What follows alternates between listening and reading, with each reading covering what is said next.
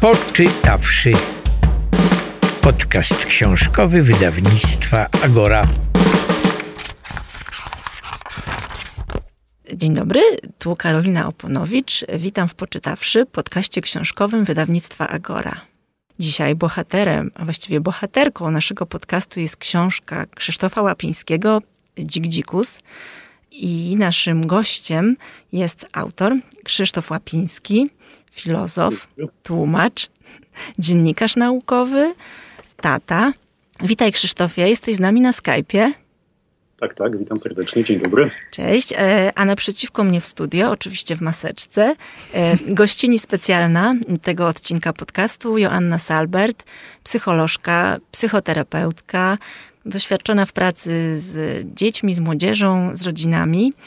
No właśnie, Dzik Dzikus to piękna książka. Właśnie mam ją przed sobą. Patrzę na taki hipnotyzujący mm, rysunek e, zielonego, tajemniczego lasu. Widzę dzika, takiego dzika łobuziaka z takim ciekawskim spojrzeniem, który goni motylka, a gdzieś tam daleko w głębi czai się troll. E, I to jest taki moment podcastu, w którym prowadzący albo prowadząca zwykle opowiada, o czym jest książka. Ja sobie myślę, że jest osoba, która zrobi to znacznie lepiej ode mnie, lepiej opowie, co to za książka Dzik Dzikus. E, tą osobą jest Hania Łapińska. Haniu, czy jesteś z nami?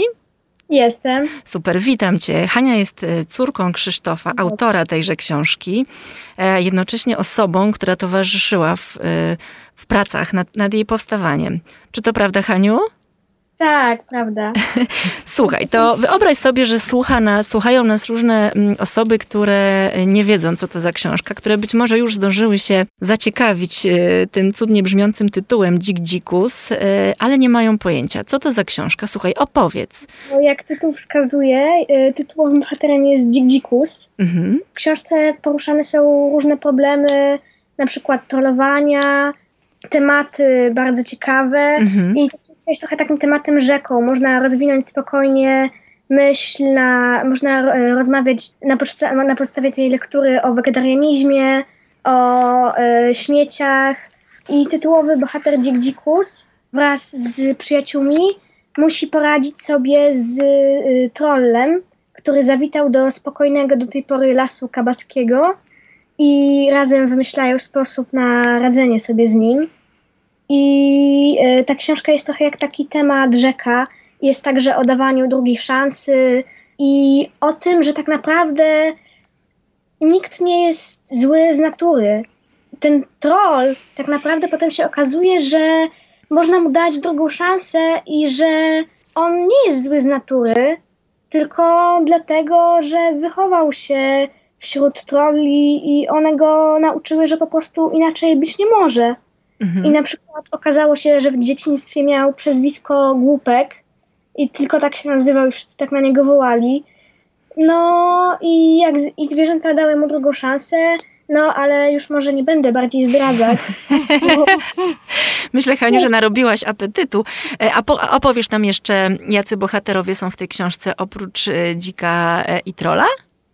No to właśnie bohaterami są głównie zwierzęta. Są jeszcze plotkarskie kaczki, mądre lisy, mądra locha i guziec. Mój y, ulubiony bohater. Ten guziec jest moim ulubionym bohaterem. Jeszcze na pewno do niego wrócimy. Krzysztof, szykuj się. Dobra. Tak.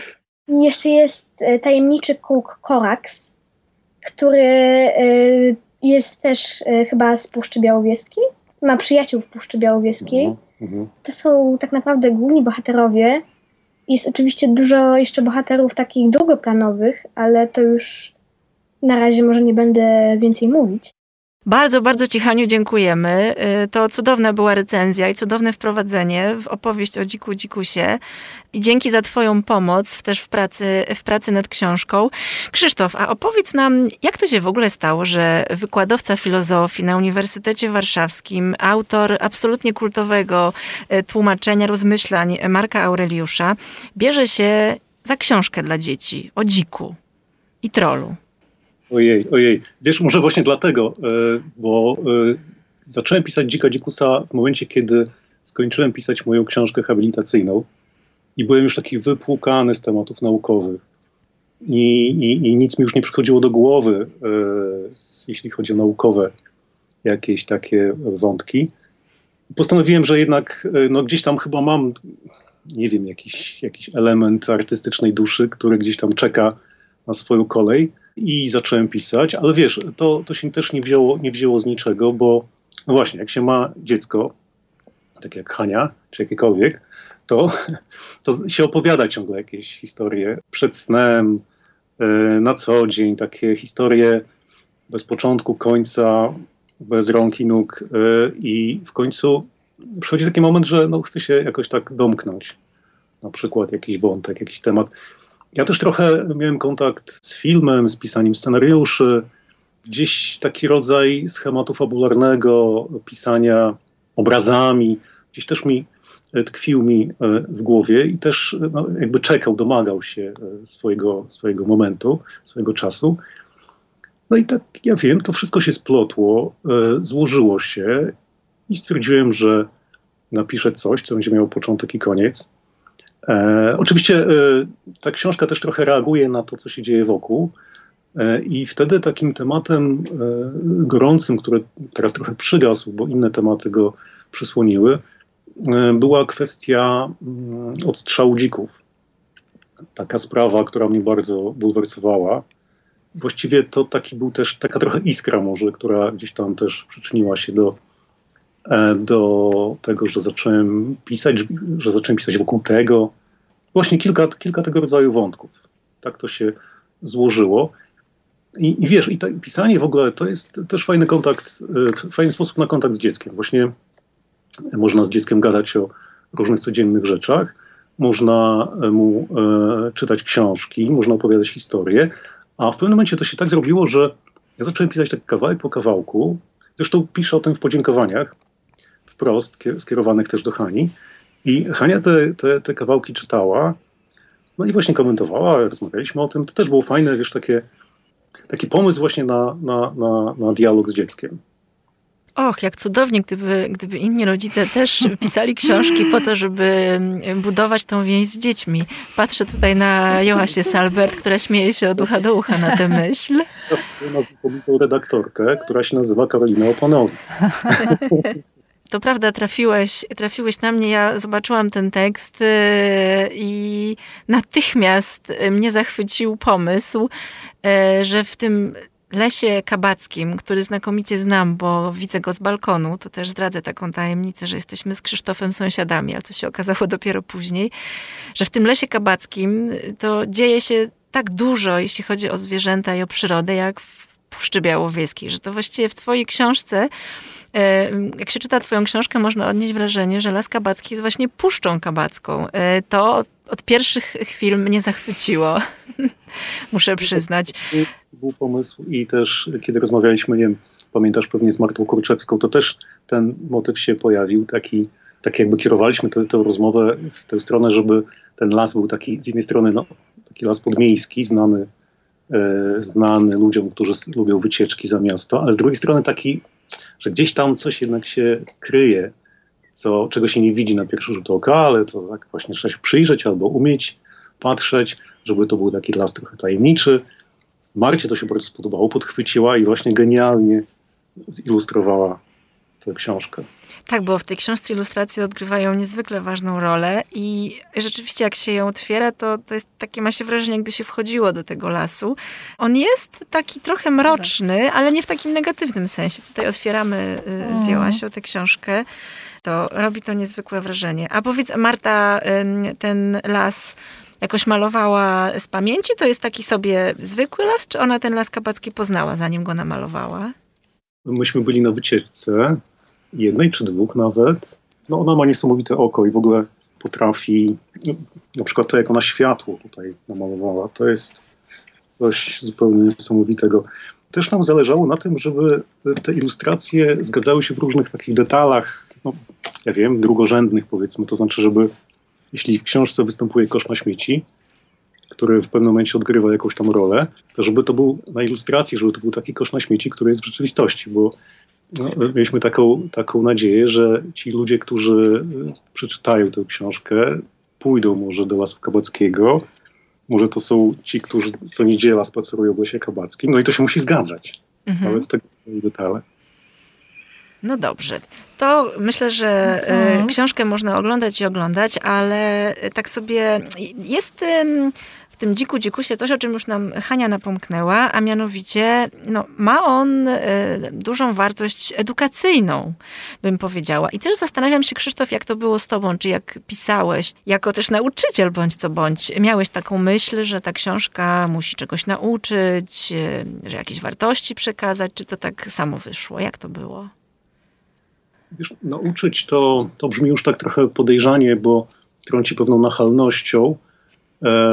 Ja chciałem, chciałem, żeby to był rodzaj, ja wiem, pomocy, przewodnika, tak na, na takiego może zupełnie wstępnego w sytuacji, kiedy dziecku przetrafia się jakiś rodzaj zagrożenia, zaskakuje go, mm.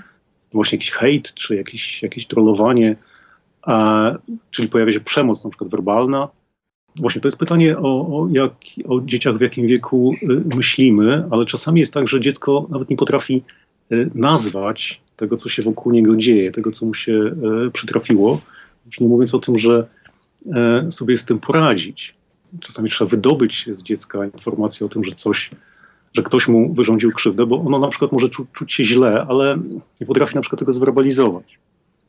E, więc no w tej książce mo, może, może ona jest takim dobrym punktem wyjścia, na przykład dla dzieci i rodziców do, do, do rozmów na temat różnego rodzaju zagrożeń, które, które mogą je czekać, jak mogą wyglądać, jak można sobie oczywiście tak wstępnie, zupełnie prowizorycznie z nimi poradzić. To nie jest tak, że ta książka w moim mniemaniu, ona, ona po prostu jest jakimś panaceum na, na, na, na wszelkie możliwe zagrożenia że, że sama w sobie może, może przynieść e, jakąś pomoc. Nie, myślę, że ona jest może jakimś takim jednym z elementów sytuacji, kiedy na przykład rodzic z dzieckiem próbują coś zdefiniować, porozmawiać o tym, co się stało, pomaga nazwać czy nadać pewną strukturę y, emocjom. Mhm. O, tak. Tak, bo mamy tam y, taką sytuację, y, że w lesie, gdzie zwierzęta żyją w komitywie i w przyjaźni, nagle pojawia się obcy, i ten obcy roznosi plotki, okropne plotki na temat dzika dzikusa, który wydawał się takim nieszkodliwym, kochanym zwierzakiem, a tenże obcy, który się okazuje, że jest trolem, opowiada, że dzik roznosi chorobę, że wkrótce nastąpi wielka epidemia w lesie. E, no i zwierzęta początkowo w to wierzą. I ty pokazujesz, jak można sobie z tym poradzić, o czym nam też tutaj Hania już opowiedziała, że podsuwasz pewien pomysł. I zastanawiam się, jak to wygląda z takiej psychologicznej perspektywy. Patrzę też na, na, na Joasie Salbert. Co sądzisz o takim, o takim przepisie na poradzenie sobie z, z hejtem, z trollowaniem, czy też y, takim oldschoolowym języku z plotkowaniem i oczernianiem? Tak sobie myślę jakoś tak, e, Haniu, zostały we mnie e, twoje słowa i twoja metafora rzeki, bo myślę, że dużo można w tej e, rzece i w tej książce znaleźć. I choć może ten przepis najbardziej oczywisty, przyjęcie tego złego i trudnego do lasu i znalezienie miejsca dla tego złego i trudnego jest jednym z tych przepisów, ale ja też jakoś znalazłam w tej książce wiele innych inspiracji. I dla mnie taką ważną inspiracją jest e, lojalność, którą e, widzę wśród przyjaciół dzika dzikusa. Widzę siłę przyjaźni, e, widzę siłę wsparcia, Widzę też taką siłę dystansowania się do rzeczy trudnych i złych, dogodzenia się i trochę też, Haniu, to, co ty nazwałaś, tak dużo o tym mówiłaś, e, przedstawiając tą książkę o sile empatii. O tym, żeby zobaczyć, że zło bierze, nie bierze się znikąd, e, że ma swoją historię i że to pozwala z nim, z tym złem, z tym, co trudne, co e, niesie tą niezgodę, poradzić sobie. I pytasz mnie, Karolina, czy to jest to, z czym się zgadzam. Mhm. Czy to jest taka recepta, jaką podsunęłabyś? Taka recepta, którą, której szukam za każdym razem. Bardzo indywidualnej recepty, bo zazwyczaj e, jest to bardzo indywidualna historia kiedy ktoś spotyka się z tym, e, o czym mówił autor książki, z przemocą, z prześladowaniem, z dręczeniem.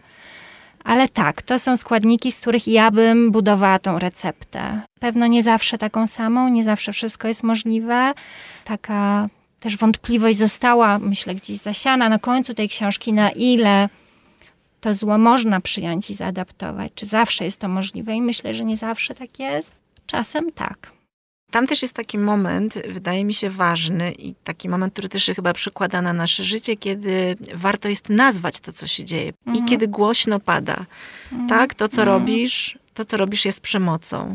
Jakiś punkt wyjścia, żeby zrozumieć, kiedy to coś, e, co ogarnia las, zwierzęta się, ten niepokój i zamęt e, jest takie niejasne, a kiedy jest niejasne, to trudno e, temu stawiać czoła. I rzeczywiście ten moment nazwania jest pierwszym krokiem. A powiedz, czy, czy to nie jest y, idealizm, nasz rodzicielski idealizm, że to, o czym dzieciaki przeczytają w książce, będą w stanie przełożyć na swoje życie codzienne, na właśnie kolegów i koleżanki, mhm. które mogą ich wyśmiewać, które mogą im, którzy mhm. mogą im przyklejać etykietki. Czy książka może być taką realną inspiracją i realnym wsparciem w takich trudnych sytuacjach? E, wiesz co, jakoś chyba blisko mi do tego, o czym mówił e, Krzysztof Łapiński, e, czyli że taka edukacja wprost nie ma tej siły, że książka daje inną możliwość zobaczenia w tej historii jakiegoś fragmentu swojego doświadczenia, zrozumienia go nawet czasem bardziej emocjonalnie niż wprost i zgodzenia się na to, czego się doświadcza. Siłą dzika, dzikusa, bohatera tej książki, jakoś tą siłą, którą ja zobaczyłam, było jednak stabilne poczucie wartości, tak bym mhm. to ujęła, które zachwiane e, przez trola mogło wrócić do równowagi zrozumienie, przyjaźń, lojalność e, zwierząt, które go wsparły w tej sytuacji, pozwoliło mu to poczucie wartości odbudować. I myślę, że dla dziecka zobaczenie, że są wkoło niego bohaterowie, który, którzy doświadczają czegoś podobnego i są w stanie odbudować swoją równowagę, ma tą wartość kształtującą, nawet nie edukacyjną. Chyba nie chodzi tutaj o takie proste przełożenie, czy takie myślenie rodzicielskie, że coś powiem, coś pokażę i to zadziała, tylko takie działanie trochę jak rzeka, która zabiera i niesie dalej, nawet jeżeli to nie jest e, takie bardzo uchwytne, tak, ale gdzieś jest ten przekaz, jest podobieństwo doświadczenia, jest pokazanie tego, że jest jakieś wyjście, jest jakaś droga, że można wspólnie zadziałać, e, że zło można oswoić, że można je przekształcić i wykorzystać. I zobaczyć siebie w tej historii. Jeżeli Mhm. Spotykamy się z różnymi trudnymi sytuacjami. Mhm. No właśnie, a propos trudnych sytuacji, Krzysztof, kiedy zaczynałeś nad tą książką pracować, to w najśmielszych snach żadne z nas nie przewidziałoby, że premiera jej będzie miała miejsce w takich okolicznościach. Tak, to trzeba podkreślić, ta książka jest jeszcze przed-covidowa. Jeszcze nie wiedzieliśmy w ogóle, co to jest mm. COVID takim bardzo ważnym motywem jest ten motyw choroby, motyw zarazy, która się przenosi, mm. E, która przyniesie wielkie niebezpieczeństwo, która się rozniesie. No nieoczekiwanie nam się aktualna ta książka zrobiła. Nawet samo zamykanie lasu jeszcze wtedy było nie do pomyślenia. No właśnie. Haniu, a my już to przeżyliśmy, prawda? E, no właśnie, no, e, tutaj, e, tutaj widać, jak łatwo ktoś, kto należy do jakiejś wspólnoty, może zostać wyrzucony poza nawias, a piętnowanie za pomocą oskarżenia o chorobę, nie wiem, roznoszenie pasożytów, jak to kiedyś słyszeliśmy parę lat temu, no to jest coś takiego, co, co bardzo często się pojawia w historii, w polityce. Więc no to jest taka sytuacja gdzieś tam spotykana. Z tym się wiąże całe szerokie znowu, znowu temat rzeka pod tytułem fake newsy. To, jak łatwo jest e, spreparować jakąś informację w tej chwili dużo łatwiej niż, niż kiedyś. E, jeżeli byśmy tutaj znowu sięgnęli do tematu nękania czy prześladowania, no to znowu e, rzeczywistość wirtualna sprawia, że na przykład dziecko, kiedy, kiedyś to było tak, że na przykład jeżeli ktoś był prześladowany w szkole, no to kiedy, nie wiem, przed waka były wakacje, yy, kończyły, kończyła się edukacja, to prześladowanie się kończyło. Natomiast teraz ono trwa na przykład cały czas w internecie. Więc bardzo trudno się tutaj yy, uwolnić od niego. Ja sobie też myślę, że właśnie ten dzikus to jest taka bardzo pozytywna postać. E, dzieci z kolei mają tendencję do tego, żeby łatwo się utożsamiać z jakimiś zwierzątkami. Tutaj nawet można by powiedzieć takiemu dziecku, że zobacz, nawet taki, taki fajny ktoś jak Dzik Dzikus miał różnego rodzaju takie nie, nieciekawe przygody, więc spotyka nas to na co dzień i to też może być jakiś taki rodzaj, wiem, e, no tak, taki, taki, taki sposób, żeby trochę te, od tych emocji negatywnych się uwolnić we własnym E, życiu, w życiu, w życiu dziecka. Że ono też właśnie jakoś tak rozładuje na przykład pewne napięcie, kiedy myśli sobie, że nawet ktoś tak pozytywny e, może doświadczyć czegoś e, złego. No i to, to jedna rzecz. A druga to jest taka, że właśnie tutaj Joanna wspomniała, że Dzik Dzikus ma taką, takie mocne fundamenty, tak? Nie pamiętam jak, jak to określiłaś, ale faktycznie, bo, bo one, są, one nie są zbudowane na przykład na jakimś wizerunku. Teraz na przykład bardzo często mamy taką tendencję, żeby kreować jakiś taki swój wizerunek, na przykład w internecie, nie dzieci czy młodzież pewnie też. I teraz e, od, od lajków na przykład ten wizerunek e, nasz może zależeć. Natomiast tutaj może, może z tej książki, mam nadzieję, wynika to też, że e, poczucie własnej wartości nie powinno na tym się opierać, ale na mhm. czymś głębszym, nie wiem, na przykład na relacjach, tam pada jakieś takie, też takie zdanie mm. przyjaźni. Oj między... tak, to zdanie sobie zapisałam i podkreśliłam. Tak? To przeczytaj, jak ono brzmi. Nawet jeżeli przestaniesz być moim przyjacielem, to, to ja będę twoim, tak. To jest plagiat z wypowiedzi Hani. O, rany. Jest, piękne jest to zdanie, Haniu, naprawdę. Ale Krzysztof, ja słyszę, e, no nie tylko słyszę, ale też już zdążyłam się zorientować, że ty jesteś wielkim zwolennikiem czytania. Y, z dzieckiem. I też tak jak słyszę po raz kolejny, to się pojawia, że, że jakaś tam scena może być inspiracją do rozmowy z dzieckiem, albo jakaś tam y, y, przygoda bohatera może pomóc pokazać dziecku to i to. No tak, tak, tak. To jest taki bardzo ważny moment integrujący wspólne, e, wspólne czytanie. No co myśmy, Hania, wspólnie czytali? Władcę Pierścieni. O tak, ten jedna z moich pierwszych książek to był Hobbit, którą przeczytałam od połowy, bo ty mi y, przeczytałeś do połowy, a potem właśnie, żeby zachęcić mnie do czytania, powiedziałeś, że więcej nie przeczytasz, bo tam coś musiałeś robić. I zaczęłam czytać od tej połowy, bo byłam ciekawa, co będzie dalej.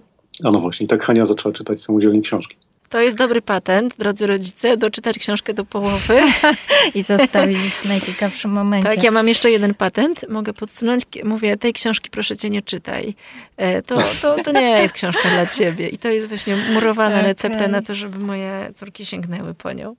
Myślę też w kontekście tego, jak literatura może nam pomagać, e, o, o obecnej sytuacji i też o sytuacji naszych dzieci. Zastanawiam się nad tym, jak nasze dzieci będą myślały o ludziach, jak będą się czuły bezpieczne, e, ile będzie w nich ufności do ludzi, kiedy skończy się ta epidemia, kiedy skończy się ta pandemia. Bardzo trudno już w tej chwili obcować e, z innymi ludźmi, no jest to wręcz zakazane, kontakt jest ograniczony, musimy trzymać ten dystans społeczny. E, gdzieś ta etykietka osoby chorej, osoby zarażonej funkcjonuje w, w naszym społeczeństwie i będzie funkcjonowała coraz bardziej, co oczywiście jest również racjonalne uzasadnione w tej sytuacji pełnej niebezpieczeństw. Bardzo się boję, że nasze dzieci nie, od, nie odbudują tego zaufania, nie odbudują tej otwartości, e, że gdzieś tam ten lęk e, przed, przed chorobą, przed obcym, przed niebezpieczeństwem w nich e, zostanie. Czy Dzik Dzikus mógłby nam tutaj podpowiedzieć, jak, jak z tego wybrnąć, jak sobie z tym poradzić, kiedy będziemy mieli już pandemię za sobą? Krzysztof, Joanna, co myślicie? Jeśli ja tak krótko, to mi się wydaje, y, ja oczywiście nie wiem jak będzie, ale ja tutaj jakby nakłaniam sam siebie do optymizmu, bo widzę na przykład jak wskutek lockdownu i y, zamknięcia szkół, jak dzieci zaczęły jednak cenić kontakty mm. face to face, takie mm. jak zaczęło im brakować, jak doceniły to, że mogły się spotykać mm. na żywo i że tego przez długi czas nie miały i teraz znowu nie mają. Więc ja mam nadzieję, że może że może jednak docenią nie tylko świat wirtualny, ale też, też realny.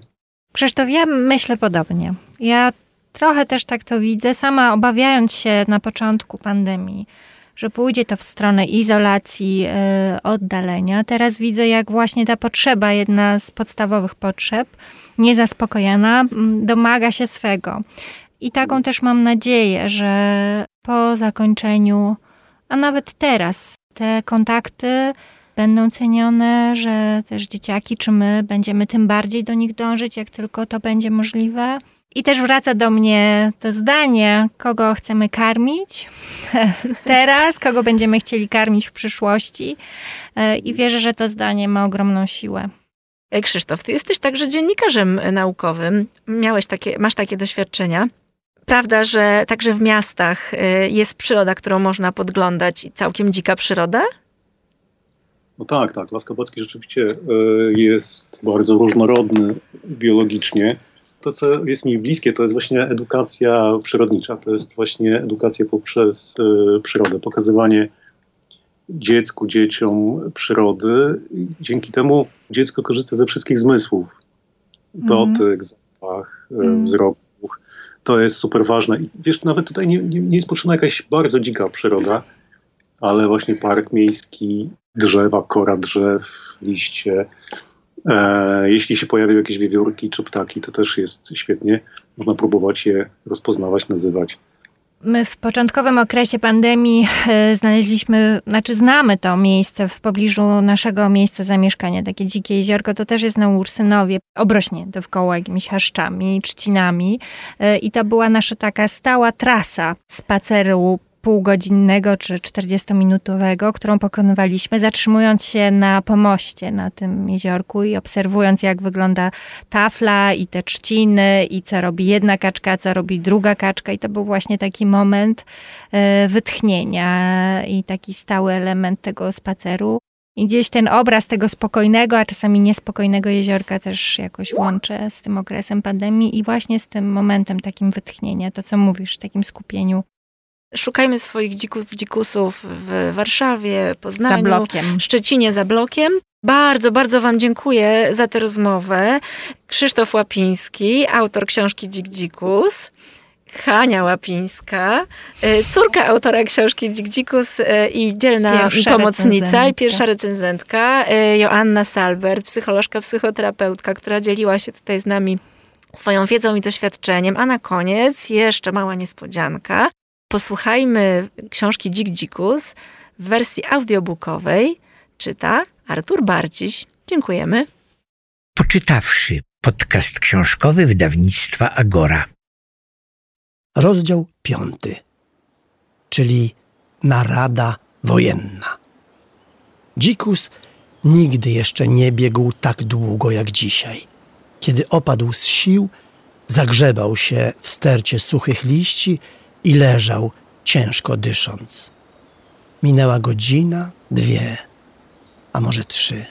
Nie miał pojęcia. Czas jakby stanął w miejscu. Dzikus był sam, zupełnie sam, opuszczony przez wszystkich, nikomu niepotrzebny, odrzucony, samotny. I tak już pewnie będzie do końca jego dni. Co ma teraz ze sobą zrobić? Dokąd się wynieść? Nigdy jeszcze nie wędrował poza las kabacki. Czy znajdzie tam kogoś życzliwego? Czy jeszcze kiedyś zobaczy swoich bliskich? Lochę Leokadię? Drobinkę? Czy drobinka nie zgubi się w lesie bez jego pomocy? Kotłowały mu się w głowie przeróżne obrazy i słowa z ostatnich dwóch dni. Czarne myśli krążyły jak jakieś stado nietoperzy. Przecież nie był kłamczuchem. Przecież nie chciał nikogo zarazić. I w ogóle na nic nie był chory. Dlaczego wszyscy tak strasznie na niego patrzyli i krzyczeli? Nie chcieli go, odtrącili, kazali się wynosić. Okazało się, że jest gorszy od wszystkich. Był tak smutny, że nie miał nawet siły płakać. leżał wyczerpany i załamany. Wydawało mu się, że w głowie ma tylko szarą pustkę albo jakąś gęstą mgłę. Nagle usłyszał szelest kroków, potem ktoś zaczął rozgrzebywać leżące na jego głowie liście. Po chwili nad jego uchem rozległo się znajome, nieco nerwowe mamrotanie. Zobaczył smukłe, zabawnie kiwające się uszy, a w końcu dobrze znane oczy i nos jego przyjaciela, zająca Uchowskiego. Ach, tu jesteś, powiedział Uchowski z wyraźną ulgą. Szukam cię i szukam. Nieźle się ukryłeś. Dzikus leżał i patrzył bez słowa. Wiem, wiem, nie jest dobrze, przyznał smutno Uchowski. Ale przynajmniej jesteśmy we dwóch. Zawsze to jakaś pociecha. Ogromna, mruknął dzikus. Potem obaj usiedli i długo patrzyli na siebie w milczeniu. W końcu dzik dzikus powiedział: Uchowski, nawet jeżeli przestaniesz być moim przyjacielem, to ja nadal będę twoim. Bo na tym polega przyjaźń, rozumiesz? Dzikusie, ja myślę tak samo. Przyjaciele są na zawsze. Po chwili dzikus dodał. Nie wierzę, że to ty rozpowiadałeś o mnie te okropne rzeczy. Dziś, kiedy przemawiałem do zwierząt, widziałem, jak patrzyłeś na mnie. Ale zupełnie się pogubiłem i nie wiem, o co w tym wszystkim chodzi. To prawda. Ja nie mówiłem o tobie żadnej z tych rzeczy, potwierdził zając. Wierzę ci. Chociaż kaczki twierdziły, że mówiłeś. Nie mówiłem. To znaczy, że ktoś kłamie. Ty albo kaczki, powiedział stanowczo dzik. Niekoniecznie, odparł zając w zamyśleniu. Jest jeszcze trzecia możliwość, że wszyscy, i ja, i one, nie wiedząc o tym, powtarzamy kłamstwa, bo ktoś inny nas okłamuje. Ktoś trzeci. Kto? spytał dzik zaintrygowany. Spotkałem takie małe, leśne stworzonko, zaczął zając. Płakało? Płakało. Miało brązowe futro? Miało. I długie włosy? Tak. I chodziło na dwóch nogach? Tak. To znaczy, że ja też z nim rozmawiałem. Westchnął dzik. I obaj przyjaciele opowiedzieli sobie, jak spotkali dziwną istotę. No to wiemy już, kto nas wszystkich skłóca. Ale co dalej? Zapytał dzik. Po co on to robi i jak go powstrzymać? Musimy poprosić kogoś o radę. Kogoś mądrzejszego, powiedział tajemniczo zając. Liście na drzewach delikatnie zaszumiały. Zaczął padać deszcz. Mimo późnej pory w lisiej norze w korzeniach wielkiego dębu ciągle paliło się światło. Za oknem rozpętała się burza. Co chwila słychać było gwałtowne porywy wiatru i bębnienie kropel deszczu. Poczytawszy. Podcast książkowy wydawnictwa Agora.